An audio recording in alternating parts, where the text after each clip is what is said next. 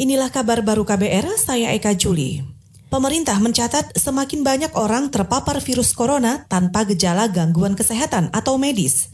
Juru bicara pemerintah untuk percepatan penanganan COVID-19, Ahmad Yuryanto, mengatakan, pasien yang terinfeksi virus corona kini tak lagi disertai gejala klinis, misalnya demam lebih dari 38 derajat Celcius, batuk, dan gangguan pernafasan. Dan konfirmasi positif yang kita dapatkan pada hari ini sebanyak 387 sehingga totalnya menjadi 14.032.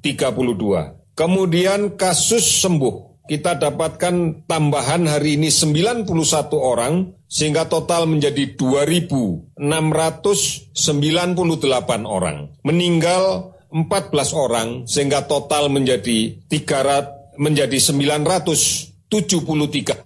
Juru bicara pemerintah untuk penanganan COVID-19 Ahmad Yuryanto juga menambahkan, saat ini pemerintah memantau dan mengawasi lebih dari 270-an ribu orang yang diduga terpapar atau berinteraksi dengan orang tersebut. Gugus tugas COVID-19 juga sudah memeriksa lebih dari 158 ribu spesimen demi mendeteksi penularan virus corona.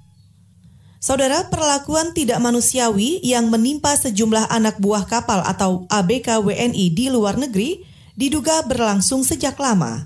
Sekjen Serikat Buruh Migran Indonesia, Bobby Alwi menyebut perlakuan tidak manusiawi itu bukan hanya secara fisik, tapi juga upah yang sangat tidak layak dan fasilitas kerja yang kurang memadai. Jadi ada jam kerja yang panjang, terus kemudian logistiknya nggak bagus, terus kemudian airnya waktu itu ya yang diceritakan itu mereka tidak me mengkonsumsi air yang layak karena dia mengkonsumsi air dari apa freezer. Kemudian mandinya pun pakai air laut, hanya satu gayung dari air bersih. Kemudian ketika sakit itu tidak diobati, hanya dikasih obat uh, satu macam kayak apa kayak panadol kayak gitu. Semua jenis penyakit obatnya itu satu.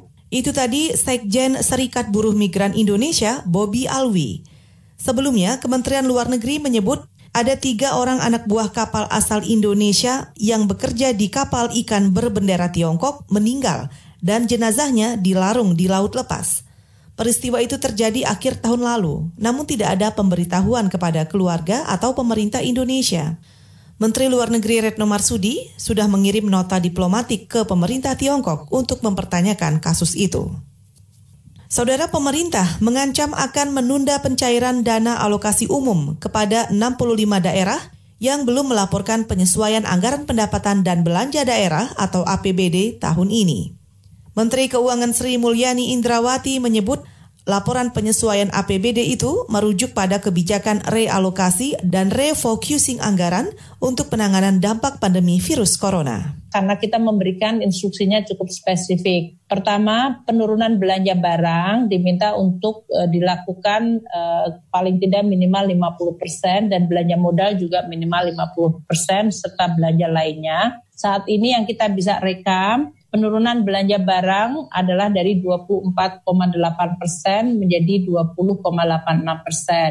Menteri Keuangan Sri Mulyani Indrawati juga menambahkan, pemberian sanksi itu sesuai aturan perundang-undangan.